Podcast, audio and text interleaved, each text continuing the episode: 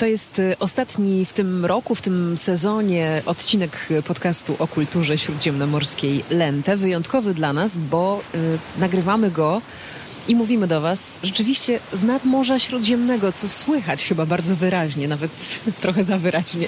Nie spodziewałam się, że to będzie aż taki y, hałas. I w ramach podsumowania tego sezonu, którego hasłem była podróż, zatoczymy taką, takie małe koło, popodróżujmy sobie po tych hasłach i po tych tematach, które mm, e, pojawiały się w podcaście w e, ostatnich miesiącach. Zapraszamy Was serdecznie i pozdrawiamy z Hiszpanii. To możemy zaczynać. Dobrze, to symbolem e, podróży jest morze. Od tego bym zaczęła, od tego banalnego stwierdzenia. Wiemy o tym, ale zastanawiam się, czy wiemy dokładnie, dlaczego tak jest. Nie ma głupich pytań. Wierzymy też, że nie ma głupich odpowiedzi. Może. No, cieszę się bardzo, że tutaj mnie popierasz. Może to jest wyprawa, może to są odległości, mm, może to jest jakiś taki trud, zmaganie się z naturą. Myślę, że wiecie o co chodzi. Mamy sporo też takich powiedzonek z morzem, na przykład wybierać się jak sójka za morze, e, siedem, za siedmioma morzami i tak dalej, i tak dalej. Czyli, czy jest tutaj y, coś więcej między tym morzem a tą podróżą? I czy masz też swój jakiś ukochany cytat o morzu, a może jakąś definicję tej morskości? Ja myślę, że tu jest całe morze tych y, elementów. Nomen omen. Nomen omen i całe morze cytatów mamy oczywiście y, ulubionych, ale to za chwilę. Najpierw się zastanówmy rzeczywiście nad tym y, morzem jako symbolem podróży tak sobie myślę, że e, warto sobie uświadomić, bo chyba o tym na co dzień nie pamiętamy, że e, podróż przez e, gro ludzkiej historii, to tak naprawdę, bo tak naprawdę do XIX wieku, to była głównie podróż morska.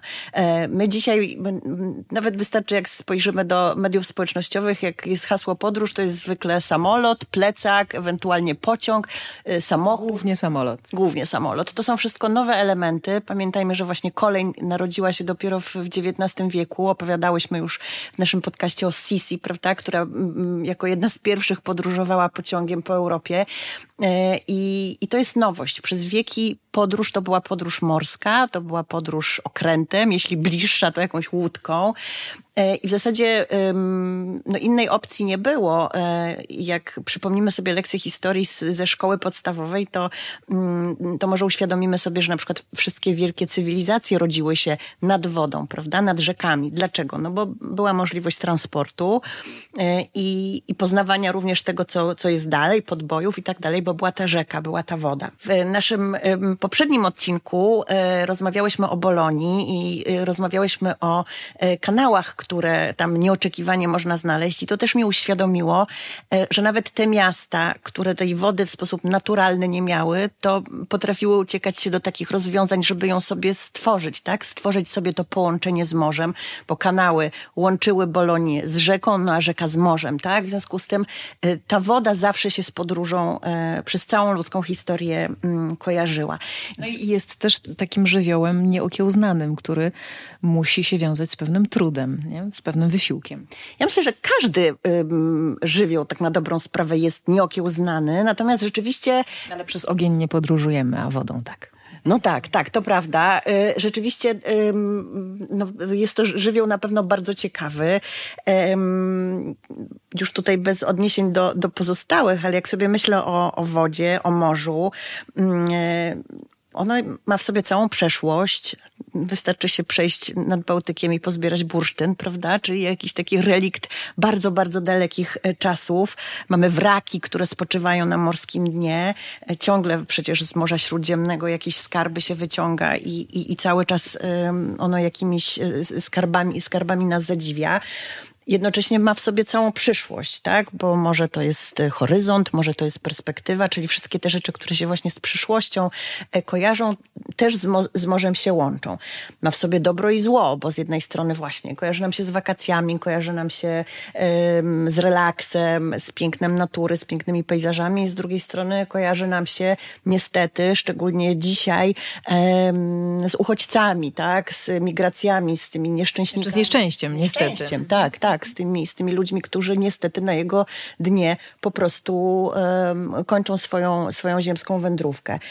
E, no i tutaj możemy to dalej pociągnąć. Może to jest coś, co właśnie zabija, z czymś się człowiek mocuje, a jednocześnie jest symbolem e, niewyczerpanej energii życiowej, bo w ogóle woda jest symbolem, prawda? Odrodzenia, oczyszczenia i właśnie e, odradzania się życia. Także no mamy tutaj w zasadzie wszystko.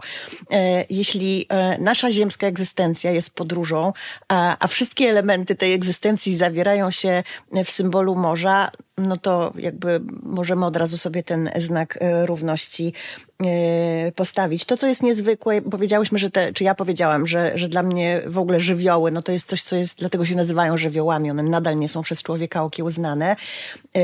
Woda morska jest przez to takim, takim żywiołem, który ma bardzo w sobie dużo takiego elementu mistycznego, bo jest przestrzenią mm, do dzisiaj niezbadaną, tak? Wydaje się, że człowiek y, cały świat sobie uczynił podległym, e, a z drugiej strony właśnie głębiny morskie to jest to, czego nadal nie znamy, prawda? E, w Biblii, już tutaj nawiązując do, do tych śródziemnomorskich wątków, może to jest pozostałość materii sprzed stworzenia świata, tak? Kiedy Bóg y, zaczął stwarzać świat, to już wody były, on je oddzielił, prawda? Wodę od, y, od, od lądu.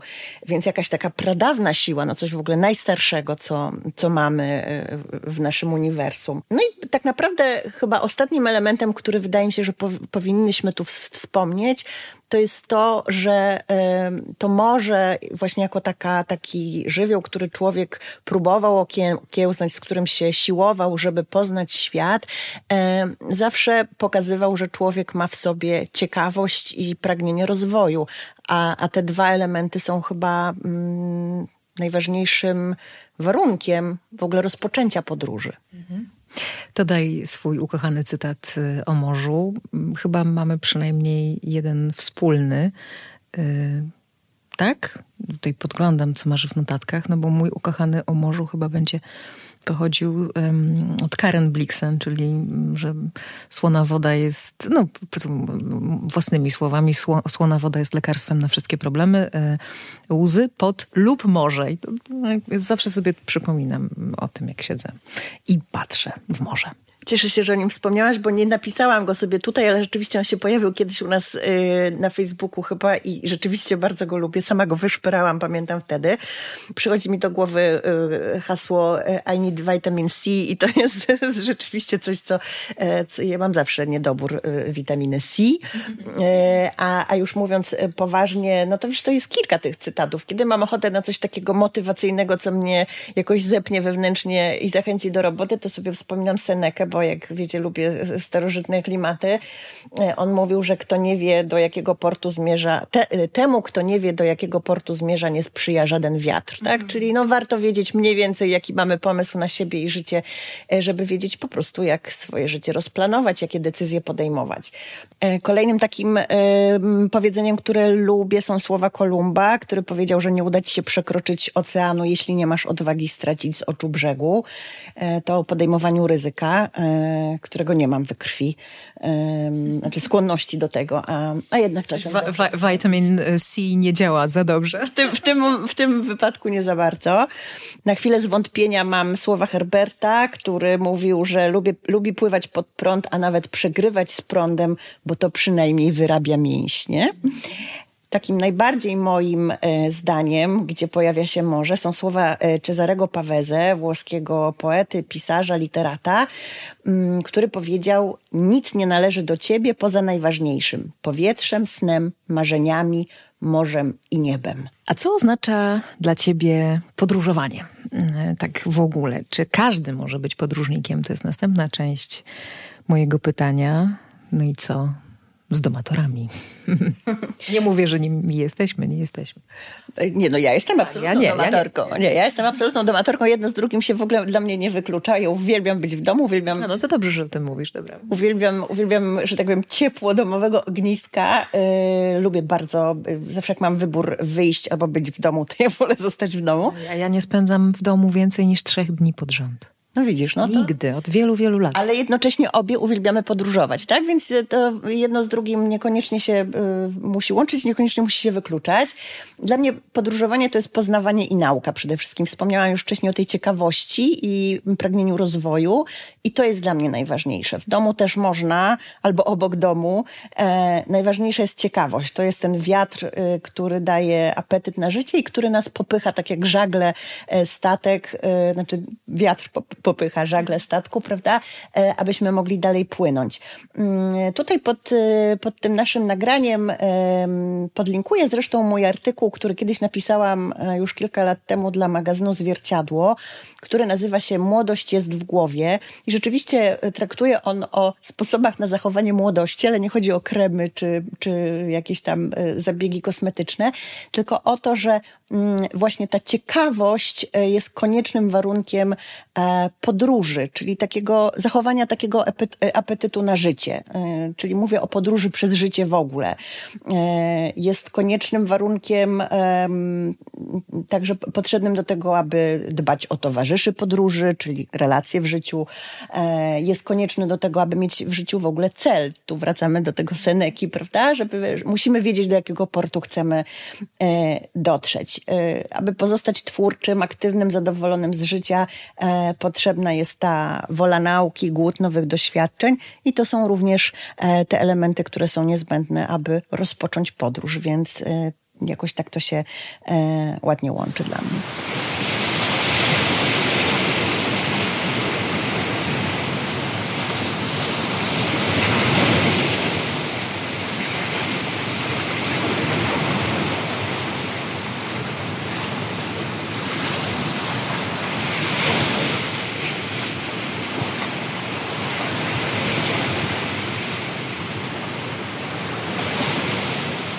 W tym sezonie podcastu y, o kulturze śródziemnomorskiej Lenta opowiadałaś sporo o podróżowaniu także w głowie. Tu w myśl trochę zasady, y, że można być domatorem i jednocześnie być daleko. Y, o wątkach śródziemnomorskich w Polsce też było, o Wielkanocy jako o podróży no i o ludziach, dla których podróż w różnym sensie była istotą życia. Przychodzi mi do głowy Fellini, Rimini, Dante, w Ravennie. Takich bohaterów Sisi wszędzie, bo przecież nie tylko w Austrii, a może wręcz w ogóle nie w Austrii. E, no właśnie, czy jest coś, co nas nieustannie pcha do, do podróży? Czy podróż to to rozwój po prostu e, i czego możemy się od słynnych podróżników nauczyć? E, wydaje mi się, że na Twoje e, pytanie już po części odpowiedziałam, mówiąc o tym, o tej woli nauki i głodzie nowych doświadczeń. Mm, jeszcze nawiązując troszkę do tego mm, tekstu, o którym wspomniałam, o młodości, to pamiętam, że pisałam tam o, mm, o takich odkryciach e, psychologii narracyjnej, czyli no jednego z najważniejszych obecnie nurtów teoretycznych nauki o człowieku, według której nasz umysł e, operuje historiami. Tutaj e, pojawia nam się słynny, tak dzisiaj się używa angielskiego terminu storytelling, który jest czymś bardzo ważnym również dla Śródziemnomorza, Śródziemnomorza może e, i, i nasza kultura, która tam się narodziła, od zawsze operuje historiami. E, żeby człowiek był zadowolony z życia, to najważniejsze jest chyba to, abyśmy mieli taką narrację, e, taką historię, żebyśmy sobie sami opowiadali, um, która będzie to zadowolenie w nas budzić, bo, bo ta narracja ma taką moc samospełniającej się e, przepowiedni, więc jeśli będziemy dostarczać sami sobie takich historii, w których jesteśmy bohaterami ekscytujących zdarzeń, e, obrazów, w których bierzemy, bierzemy czynny udział w tym, co świat ma e, najpiękniejszego do zaoferowania, to pobudzimy automatycznie ten apetyt na życie i, i nowe doznania. Natomiast jeśli chodzi o, o to, czego możemy się uczyć od, od podróżników, to oczywiście mogłabym tutaj zrobić bardzo długą listę, natomiast chciałabym Ci odpowiedzieć e, spontanicznie. Pomyślałam sobie, e, że na chwilę obecną, tutaj, dzisiaj, e, najbliższe chyba jest mi podejście e, mojego kochanego e, pisarza, nie urodzonego nad Morzem Śródziemnym, ale w swojej twórczości bardzo blisko się z tym Morzem Śródziemnym e, stykającego, Węgra. w moich myślach oczywiście pojawia się teraz Szandor Maroj, który napisał, że dawny podróżnik obserwował, słuchał, widział i zapamiętywał. My już tylko jeździmy. E, I to, to jest takie... Piękne, piękne. Bardzo, tak, no ja bardzo, bardzo te słowa lu lubię. To są słowa, które on zapisał w swojej fantastycznej książce zatytułowanej Notabene w podróży. E, ale one jakoś tak, e, przeczytałam je już wiele lat temu, ale ze, ze, mną zostały. Jakieś takie wielkie wrażenie na mnie e, wywarły, bo mm, no właśnie, wydaje mi się, że my już tak pędzimy i tak, y, y, y, takimi jesteśmy mistrzami w tym jeżdżeniu w tym podróżowaniu, że już wszystko to, co tak naprawdę istotą tego podróżowania było, gdzieś zgubiliśmy, tak? Bo już robimy to niestety trochę z automatu. W tej książce w ogóle jest, to jest fantastyczna lektura i bardzo ją wam polecam. Jezu, tam... Nie mów tego tak, bo ja ci zaraz ją ukradnę, wiesz, że tak robię zawsze. A, a mam tylko jeden egzemplarz archiwalny, stary. Że możesz podbić pieczątkę, że do zwrotu, ale to się wydarzy. Dobrze, ex libris absolutnie chyba zrobić. Mm, tam jest dużo takiej, w ogóle ja lubię sprzeczności, lubię kontrasty, lubię kiedy, kiedy teksty y, y, jakoś na nich bazują i tam jest dużo tej sprzeczności między pozorem a istotą. Jest dużo takiego przekonania, że, że świat właściwie nie może być do końca poznany, więc z jednej strony jest ta ciekawość i pragnienie poznania, z drugiej strony właśnie e, takie przekonanie, że tego poznania do końca e, no, ono nie może zaistnieć.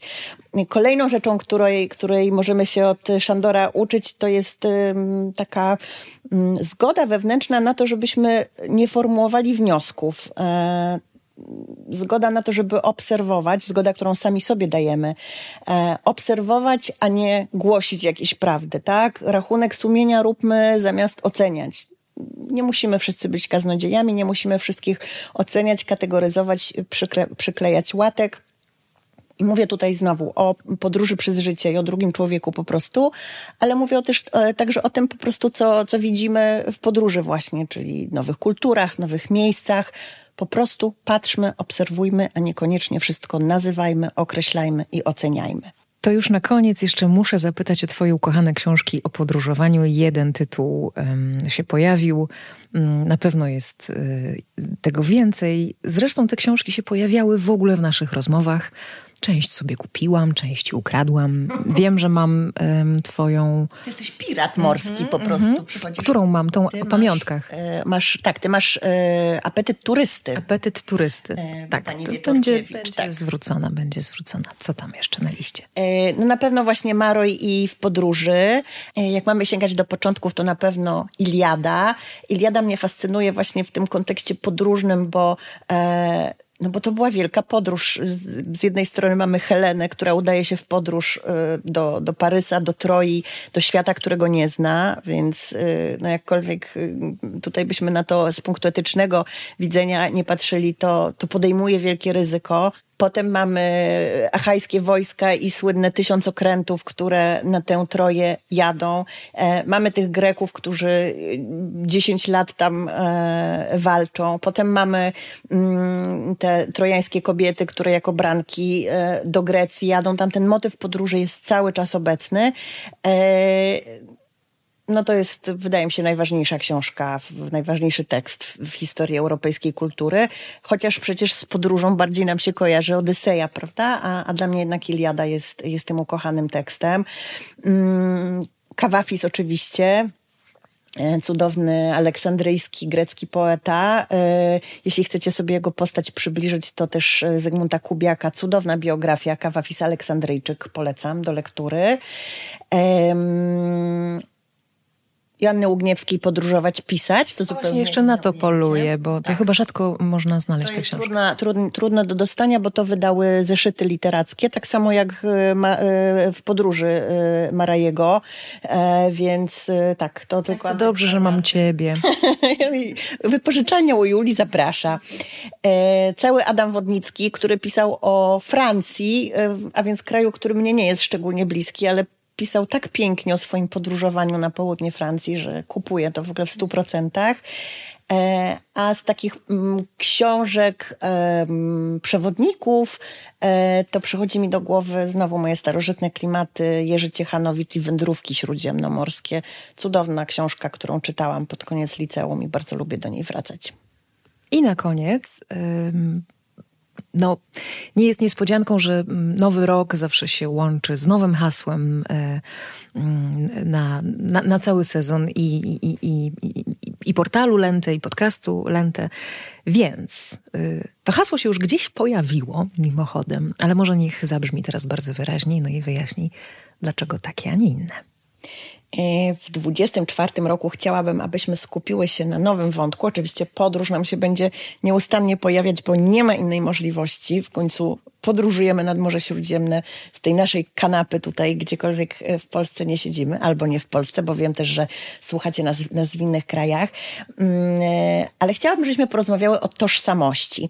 E, takim pierwszym impulsem, aby się mm, zastanowić bardziej nad tym zagadnieniem, był wywiad, który już dawno temu przeprowadziłam z Dionizjosem Sturisem mm, na temat jego korzeni, jego tożsamości. I on w tym wywiadzie powiedział, że tożsamość to jest jest coś, nie coś, co się znajduje, ale coś, co się konstruuje, coś, co się tworzy. I te słowa zrobiły na mnie bardzo duże wrażenie. Myślałam o nich przez długie miesiące. Mm, e, zastanawiałam się, czym jest e, tożsamość. Tożsamość jest czymś takim, co tak naprawdę nie ma definicji. Oczywiście możemy gdzieś tam w Wikipedii ją znaleźć, ale nad tym głowiły się e, głowy najtęższe i najwięksi filozofowie. Oczywiście my rozmawiać będziemy o tym, co, co tworzy naszą odrębność, co tworzy naszą niepowtarzalność, co tworzy niepowtarzalność i odrębność człowieka Śródziemnomorza. Będziemy rozmawiać o jakiejś takiej wizji e, naszej Śródziemnomorza i wizji, którą e, na temat siebie samego ten człowiek Śródziemnomorza ma.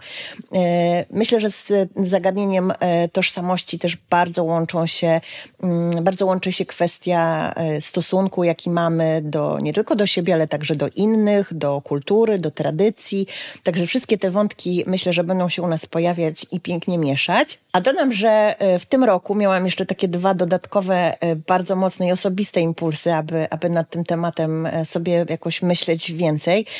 Pierwszym z nich była podróż do Słowenii, a jeszcze wcześniej podróż do Wiednia i moja fascynacja postacią Sisi, która jest mi szalenie bliska, mimo że nie jest postacią śródziemnomorską, choć mam nadzieję, że w naszych podcastach pokazałyśmy wam, że, że jest człowiekiem śródziemnomorskim a ja mogę zdradzić, że być może będzie tak, że się pojawi jeszcze jedna um, królewna księżniczka, e, jeszcze jedna pani z, z dworu i też nie z, z okolic śródziemno, śródziemnomorskich, a bardzo w śródziemnomorzu jakby zakorzeniona i bardzo śródziemnomorska z Holandii pewna pani. To taka niespodzianka, bo tu pracujemy nad tym. Mam nadzieję, że ten wątek się... To właściwie mogłaby być siostrą dużo, Sisi. Mogłaby być siostrą Sisi, a w ogóle to będzie u nas dużo królewien i królowych jakoś w tym roku. Myślę, że kobiece... W końcu o tożsamości. O, w końcu o tożsamości, tak, my królowe tutaj absolutnie musimy o tym.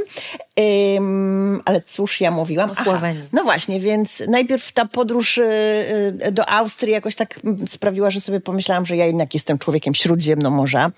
E, potem byłam e, w Słowenii Słowenii, gdzie trudno tożsamości nie myśleć, bo jesteśmy z jednej strony nad Morzem Śródziemnym, a z drugiej na dawnym terenie Austro-Węgier, e, więc ta mieszanka jest niesamowita. Ja wtedy zaczęłam zastanawiać się mocno nad swoimi korzeniami, wiedząc, że moje korzenie są austro-węgierskie. Rodzina mojego dziadka od strony mamy pochodzi, pochodziła właśnie e, z tamtych terenów, z okolicy Gracu na pewno, ale mm, też nie wiadomo, jak te pokolenia inaczej się tam układały gdzieś.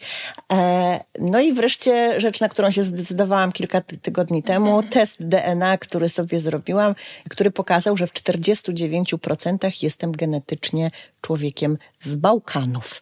E, te Bałkany tutaj zawierają te Austro-Węgry, więc zgadza się trochę, ale z drugiej strony jak spojrzymy na mapę, no to wiadomo, że to dużo dalej sięga i, i, i mm, te Bałkany austro-węgierskie to jest tylko kawałek zahaczają Bałkanem przecież i tutaj właśnie patrząc na te grupy genetyczne o, o północną Grecję. E, no właśnie. No właśnie, także, także stwierdziłam, że to też jest rzecz ciekawa, żeby się nad nią zastanowić. E, mam nadzieję się też podzielić jakimiś moimi odkryciami osobistymi związanymi z moim pochodzeniem, z moimi korzeniami. Mhm. Bądźcie częścią mojej tak podróży. Tak będzie. Podcast o kulturze bałkańskiej, znaczy śródziemnomorskiej. Poleca się na 2024 rok. Życzymy Wam łagodnego przejścia. A jeśli podoba się Wam to, co tutaj słychać mm, od nas, y, u Was, to mm, możecie wesprzeć podcast y, w serwisie Patronite albo wesprzeć podcast obecnością na Instagramie i na Facebooku Lente. Dziękujemy. Dziękujemy i pozdrawiamy z nadmorza.